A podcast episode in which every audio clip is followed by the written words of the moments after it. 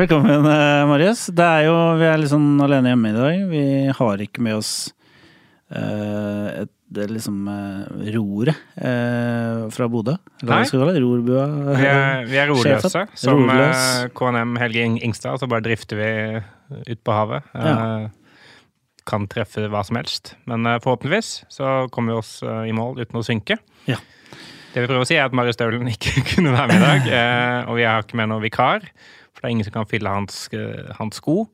Eller, eller sokker. Så vi er, eh, vi er bare oss to. Det er vi.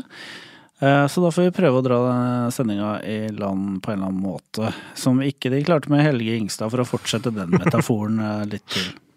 Hva, hva skjer i ditt liv? Jeg, Jeg, jeg fant ut noe som jeg syns var litt gøy.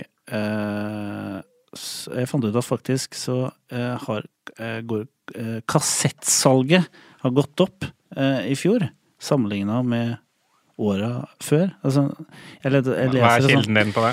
det er prog music. de sier at liksom kassetten er tilbake, og eh, de baserer det på at det ble solgt 22 000 kassetter Oi, i.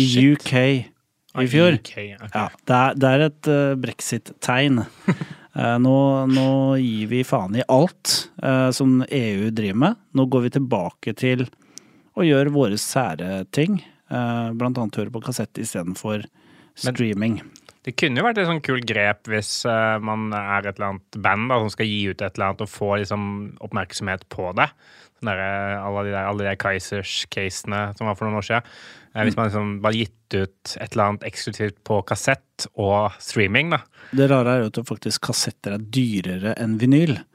Eh, eh, påstår da Prog, eh, dette magasinet. Og den som lå på førsteplass i, i fjor, eller som ligger på førsteplass på kassett, det er en altså, egen sånn kassett. Toppen. Toppen ja. Litt sånn ti skudd-aktig. Ja, ja. Eh, og der eh, ligger da Kylie Minogue med en eh, Oi, plate. Kylie Minogue Ja, faktisk. Hun ga ut faktisk en plate i 2018.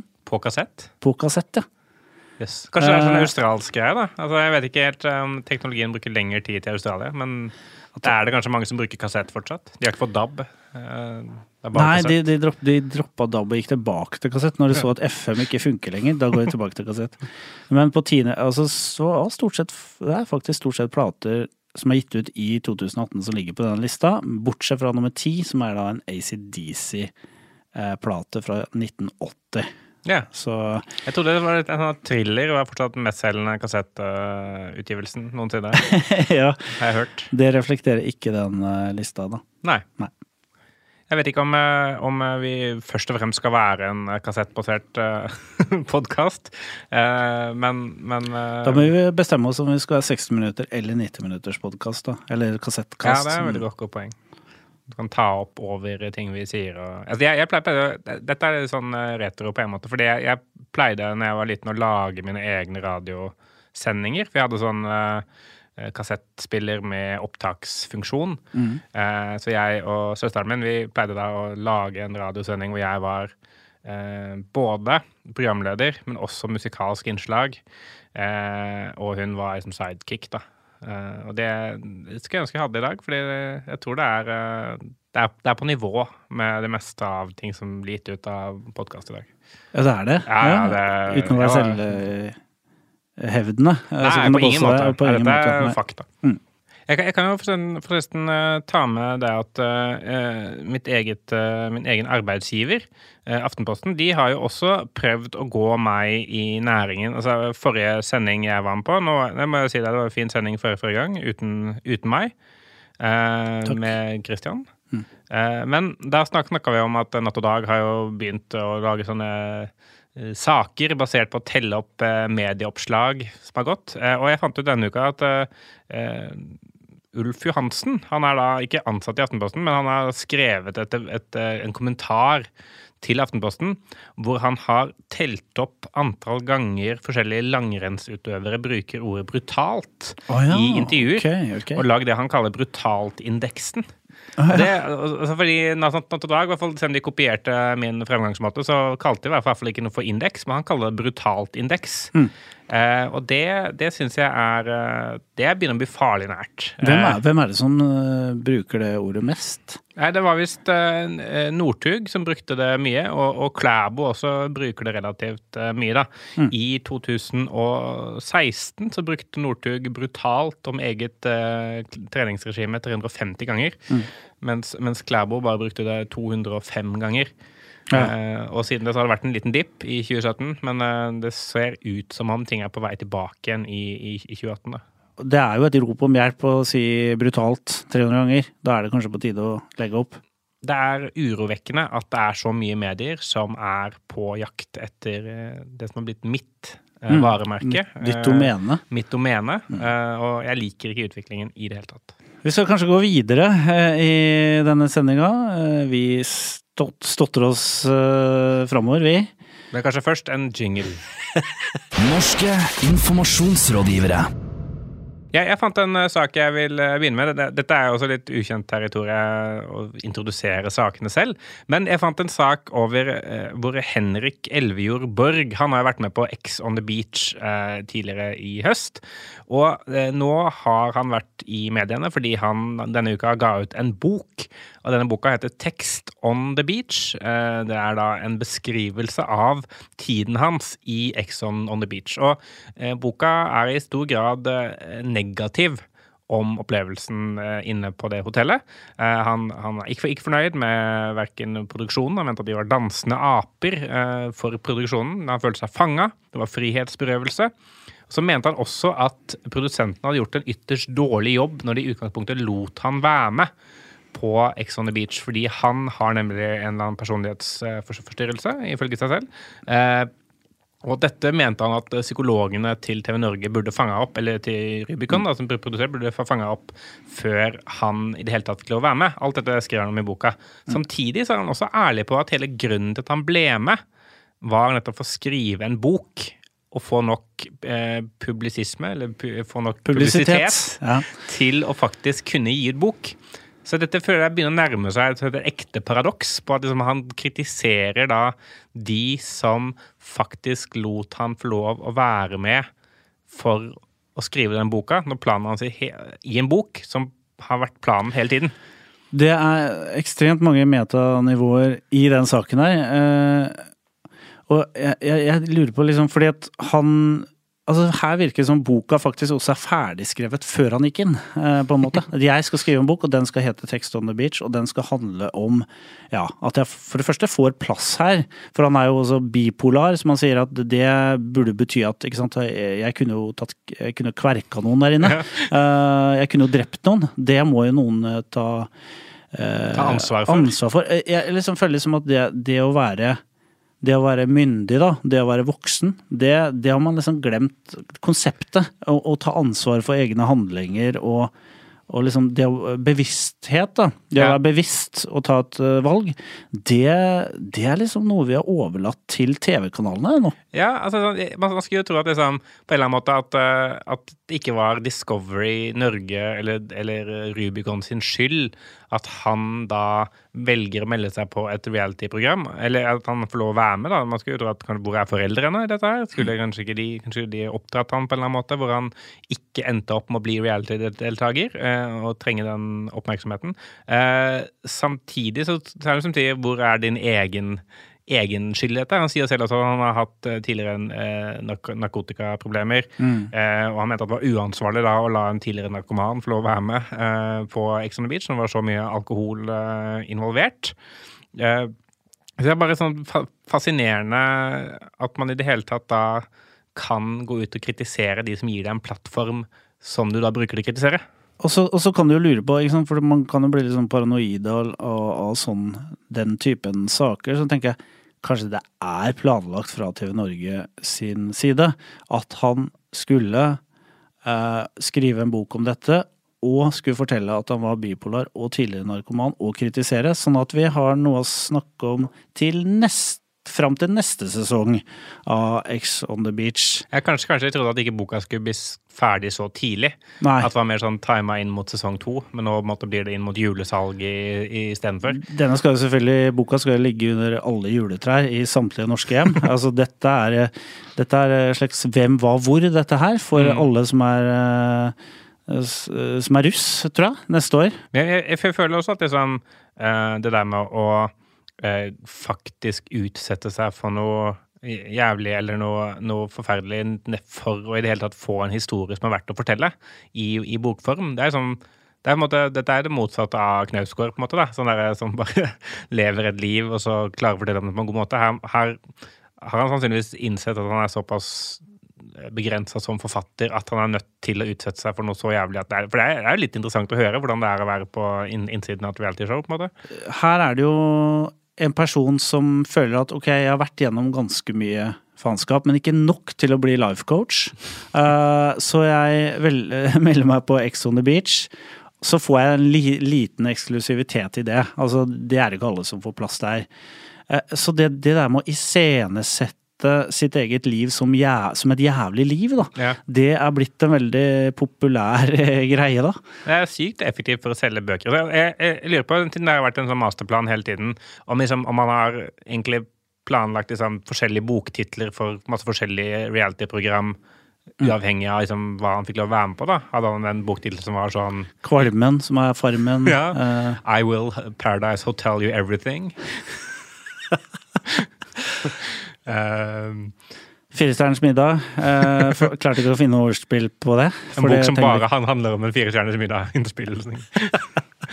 Dette er jo, det er jo en farlig Jævlig uansvarlig det var, å la meg spise middag med tre andre personer. Jeg kan jo ikke lage mat! Norske informasjonsrådgivere. Vi skal til eh, Shanghai, eller det skal vi Det er vel å ta i, kanskje. Men sånn Bruk fantasien. vi, vi, Du kan se for deg at du kommer til Shanghai, dette paradiset i Kina, med kasino på hvert uh, gatehjørne. Og eh, mange sultne mennesker som ønsker å spise italiensk mat uh, med pinner. For det er nettopp det Dolce og Gabbana, uh, uttaler jeg det riktig? De skulle, ja, de skulle eh, her for en, noen dager tilbake lage et moteshow i Shanghai. Og publiserte da en re- reklamefilm, for det var første gang de skulle gjøre noe i Kina. Som jo er et kjempestort marked for luxury brands, selvfølgelig. Der vi ser en, eh, en kinesisk eh, kvinne um, forsøke å spise diverse italienske retter med pinner. Og det er jo et litt fiffig uh, uh, kreativt grep, da, ikke sant? For her kommer en liten bit Italia til, uh, til Kina.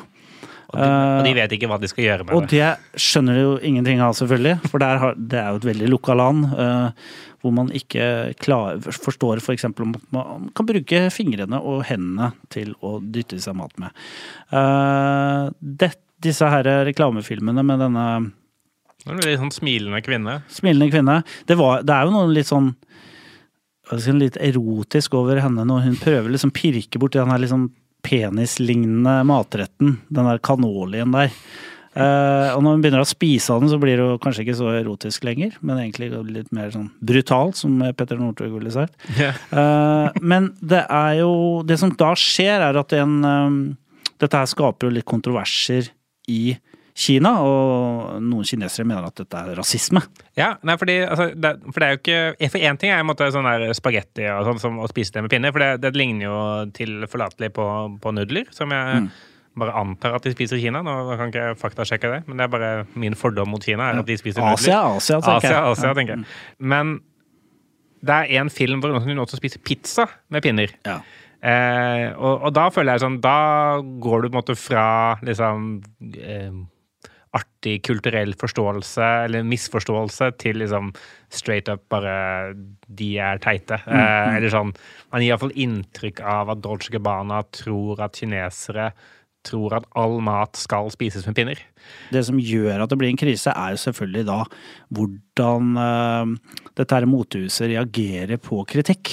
Og de reagerer jo ikke veldig bra eller smart på det. Altså, fordi dette er da uh, Stefano Gabbano, som jeg regner med er da Gabbana i Dolce Gabbana. Ja, Han, han har blitt kritisert på Instagram av en sånn eh, Instagram-konto som heter Diet Prada, som er en slags sånn derre uh, vaktbikkje for uh, moteindustrien.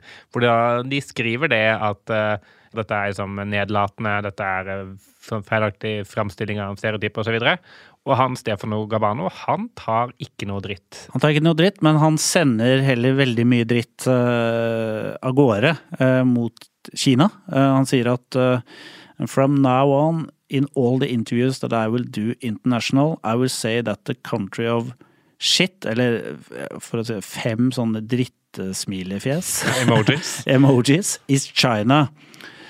Eh, og, så, og så sier han 'China ignorant, dirty, smelling mafia'. Ja, ja. Han, det er helt uh, Det er rør. Uh, Ignorant, dirty smelling mafia.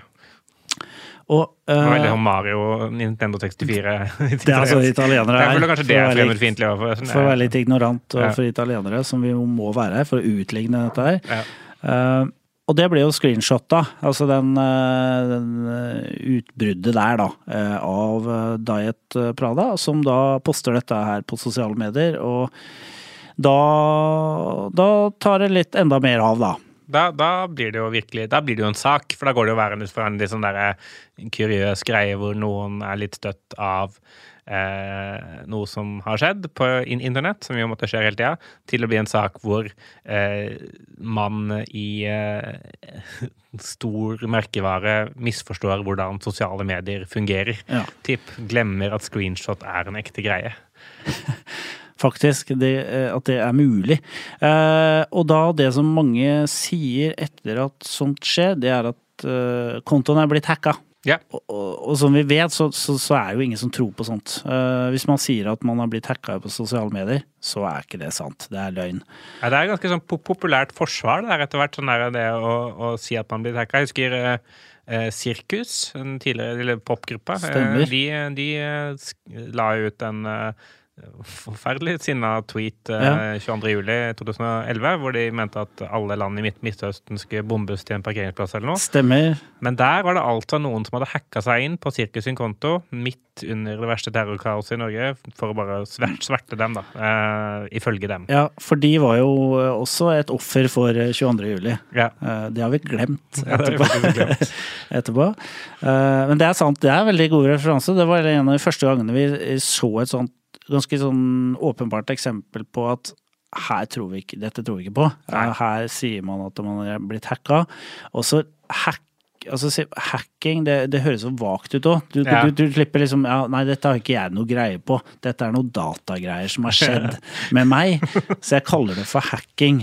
For hacking i dette tilfellet er vel fortsatt ikke hacking, men i beste fall at noen har fått tak i passordet ditt. Ja, du har logga seg inn på din konto Ja. og skrevet dette her. Ja, og så logga seg ut igjen uten at du oppdaga noen ting. Ja. Men eh, han, eh, han godeste Gabano han, han holdt jo å få fast på dette hackeforsvaret en stund, men måtte også kaste inn årene.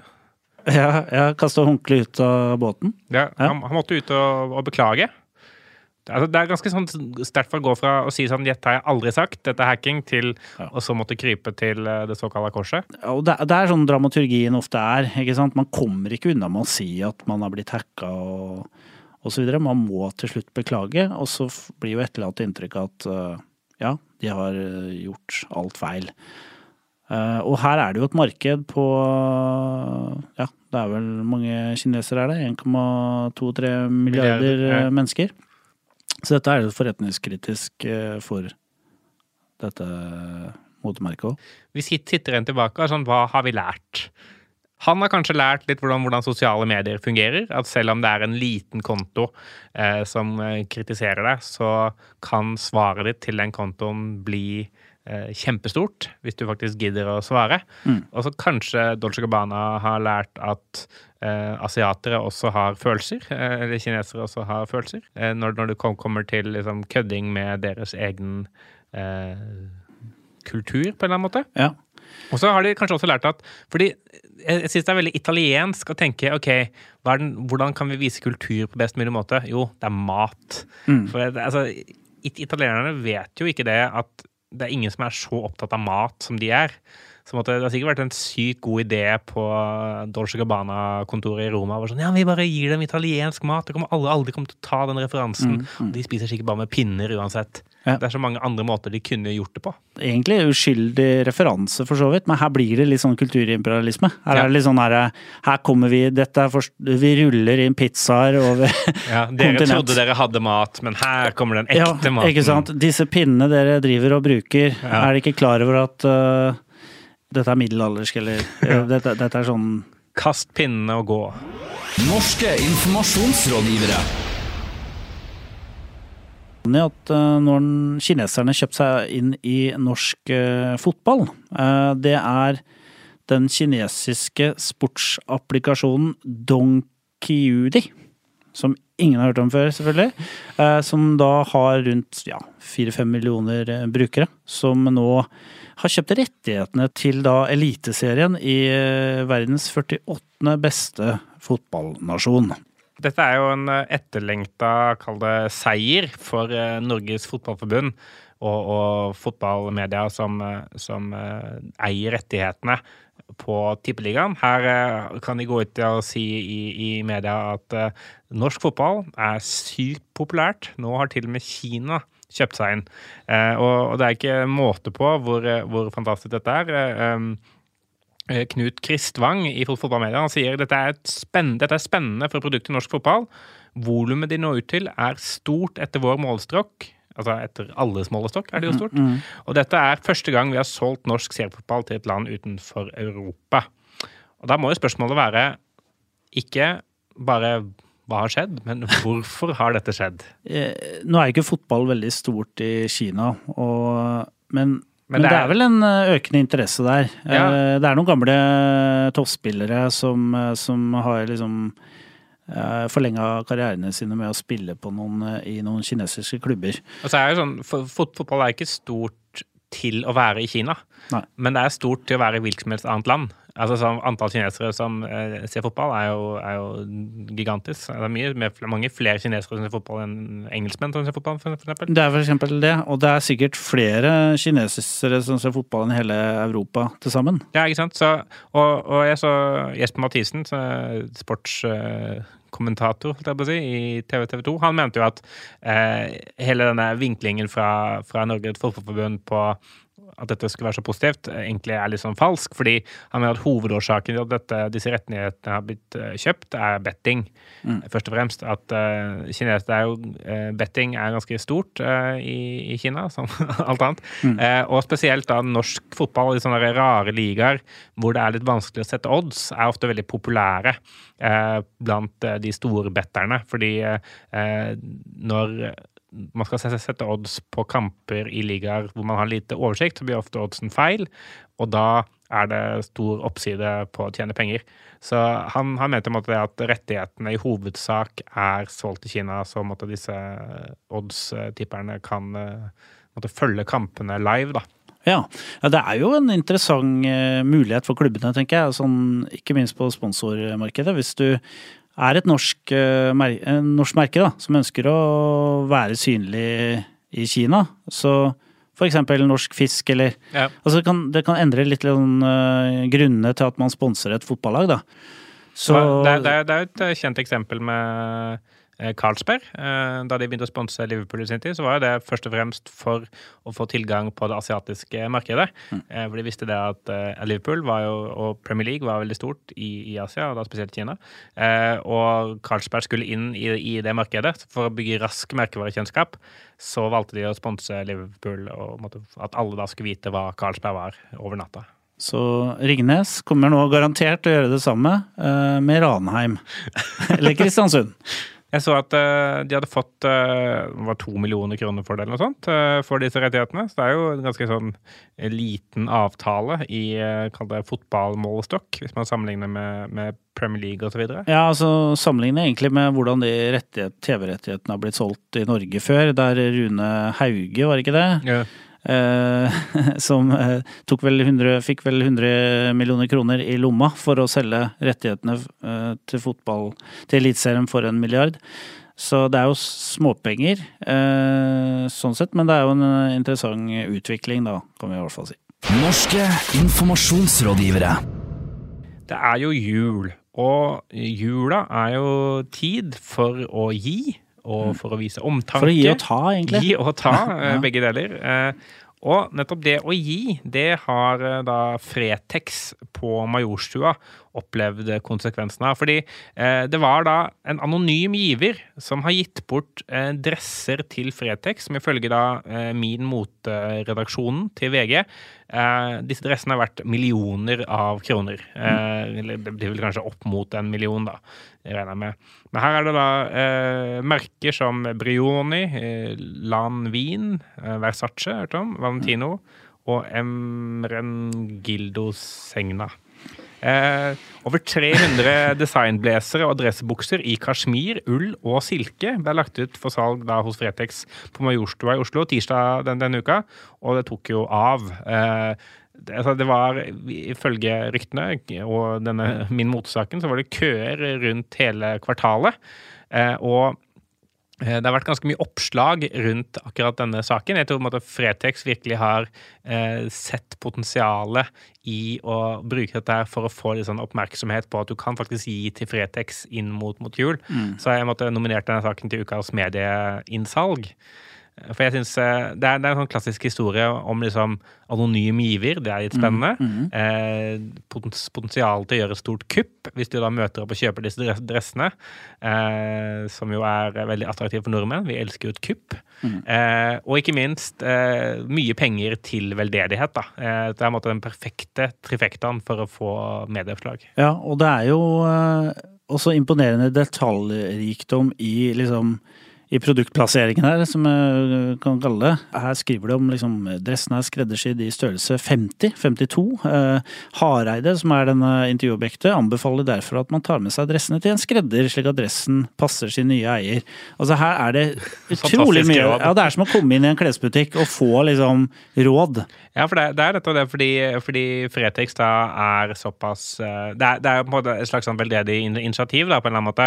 Selv om her skal man jo selge da eh, produkter til altså Selv om de er nedsatt i pris, så går de fortsatt for sånn mellom 5000 og 10 000 kroner eh, per, per dress, eller per dressjakke.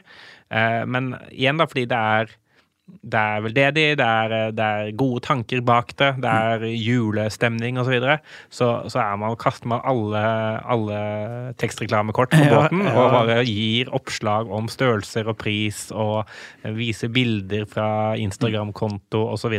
Ja, altså, og til og med han som, eh, som en kunde som eh, eh, var der uh, og ikke liker folkemasser og dro etter fem minutter, Uh, han er også eh, veldig positivt. For selv om han ikke fant noe selv, så synes han det er veldig bra at så mange møtte opp.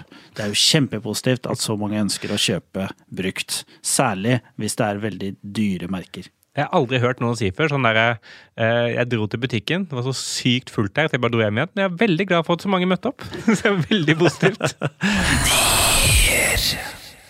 Da er vi til veis ende i sendinga her. Det er så stille og rolig her. Ingen eh, krakilsk nordlending eh, som, eh, som roper inn i ør- ørene våre at vi må skynde oss videre. Nei, det er utrolig deilig å slippe. Um, vi eh, leste nemlig sånn en sak her i VG om uh, Dette var fra irsk eh, breddefotballiga. Eh, Endelig, må jeg bare si, noe irsk breddefotball i, i NIR. Det er, Det er, det, er, det er første gang. Det, kanskje det var på tide. Etter 194 episoder kom endelig sak om Ballybrack FC. Litt av et navn. Eh, første gang de er omtalt i norsk presse så vil jeg tro. Eh, for de hadde en eh, spiller, Fernando Nuno La Fuente. Og de skulle spille her en eh, bortekamp i, eh, i serien. Eh, men så omkom denne spilleren i en tragisk bilulykke. Nuno. Nuno. Og klubben, Ballyblack FC, ba derfor om å få kampen utsatt. Eh, mot, altså det var en kamp mot Arklow, ja, som heller ikke har blitt omtalt i norsk presse før. Eh, men så viste det seg at uh, Fuente, eller Nuno Fernando Velg Du kan kalle det hva du vil. Uh, han var- Fansen jeg kaller ham bare Nuno. ja, han gjør nok det. Han var ikke død. For han Nei. hadde bare satt seg på et fly og dratt til Spania. Så her har altså da uh, Ballybrack uh, prøvd Eller brukt uh, Nuno uh, sin påståtte død for å få kampen utsatt. Mhm. Eh, og så har det da kommet ut etterpå at han lever jo i beste velgående. Jeg så jo en i klubben som sa at eh, de holdt til og med liksom ett minutt stillhet for ham Ja. på, på trening. Og det var et andre lag som spilte kamp, som eh, hadde på seg sørgebånd. Så dette ble tatt uh, virkelig alvorlig, selvfølgelig. Det er jo trist når en kollega dør på den måten. Ja, absolutt. Eh, og særlig når han ikke dør. Da blir det enda mer spektakulært. Ja, altså, og uh, her, her, De legger seg jo selvfølgelig flat eh, for, for dette. Her sier jo da uh, talsmann for, for eh, Ballybrack at eh, vi har kontaktet Fernando for å høre hvor han befinner seg, og om det går bra med han. Vi er takknemlige for at han har akseptert vår unnskyldning, for han var ikke med på, med på dette. her. Her har de bare sagt at han er død. Eh, og personen som er, har vært ansvarlig for dette i klubben, han har fått eh, sparken. Ja, altså det var Han har fått sparken. Altså han var antageligvis eh, en eh, fyr som jobba på dugnad i denne klubben. Dette er jo en bre- eh, breddeklubb. Man får da ikke lov til å være med på neste dugnad, sannsynligvis. Ja, De, de kaster han også under bussen og sier at han hadde store personlige problemer som ingen i klubben kjente til. Så er det 100% ansvarsfraskrivelse i irsk eh, seriefotball. Men mm. den gode nyheten er at alle kampene til Ballybrack FC er solgt til eh, kinesiske rettighetshavere. og kan ses i, i kinesiske sportsapplikasjoner eh, neste, neste år. Der kan man også uh, gamble, eller vedde, vedde, eller spille uh, på om Fernando Nuno La Fuente dukker opp på neste kamp eller ikke. Ja, og det, der var vi ved veis ende. Eh, Jeg føler dette har gått strålende. Vi er, det er sannsynligvis litt mer syrrete enn det det har pleid å være, men det må da for faen være lov. Og særlig, særlig når jeg ikke egentlig klarer engang til vanlig å fullføre en setning, eh, så klarer ikke det nå heller. Nei, men Jeg var fullført imponerende mange setninger eh, i forhold til eh, hva man kunne forvente. Ja, takk for det. Så inntil videre, eh, så vi sier takk, takk for nå, runder av. Vi er da altså på å finne på facebook.com slash nearcast. Eh, Vi produserer våre podkaster hos Moderne Media. Sjekk ut Moderne Media. Og eh, vi er også på Patrion. Ja. Eh, så vi hadde fått én ny Patrion-støtter. Eh, I tillegg til, eh, til eh, Stokstad Brøholt, eh, så har vi fått eh, en eh, annen person. Må, eh, mens du graver fram det, så må vi heller ikke glemme å nevne at vi er sponsa av Retriever. Nei, det er sant. Eh, som vi ikke har brukt eh, fasilitetene til i denne sendinga, men de er fortsatt med oss, og vi har ikke glemt dere. Ja, det er altså da eh, Tommy Engvik har gitt oss én dollar på Patreon. Så både han og Eirik, eh, tusen takk til dere. Da Tusen hjertelig takk. har vi til sammen 11 dollar i måneden å lage podkast på, så dette begynner å ta seg til. Det Det. begynner å dra seg opp, og det betyr at eh, vi har enda mer penger å bruke på plakett, som da skal eh, deles ut seinere i, i måneden. det blir en nydelig plakett. ja. Ja. Så vi er tilbake neste fredag. Det er vi. Og Forhåpentligvis med en, eh, ett stykk uh, NIR-medlem til. ja, det blir bedre med, med tre. Ja. Men inntil da Ha det bra. Norske informasjonsrådgivere.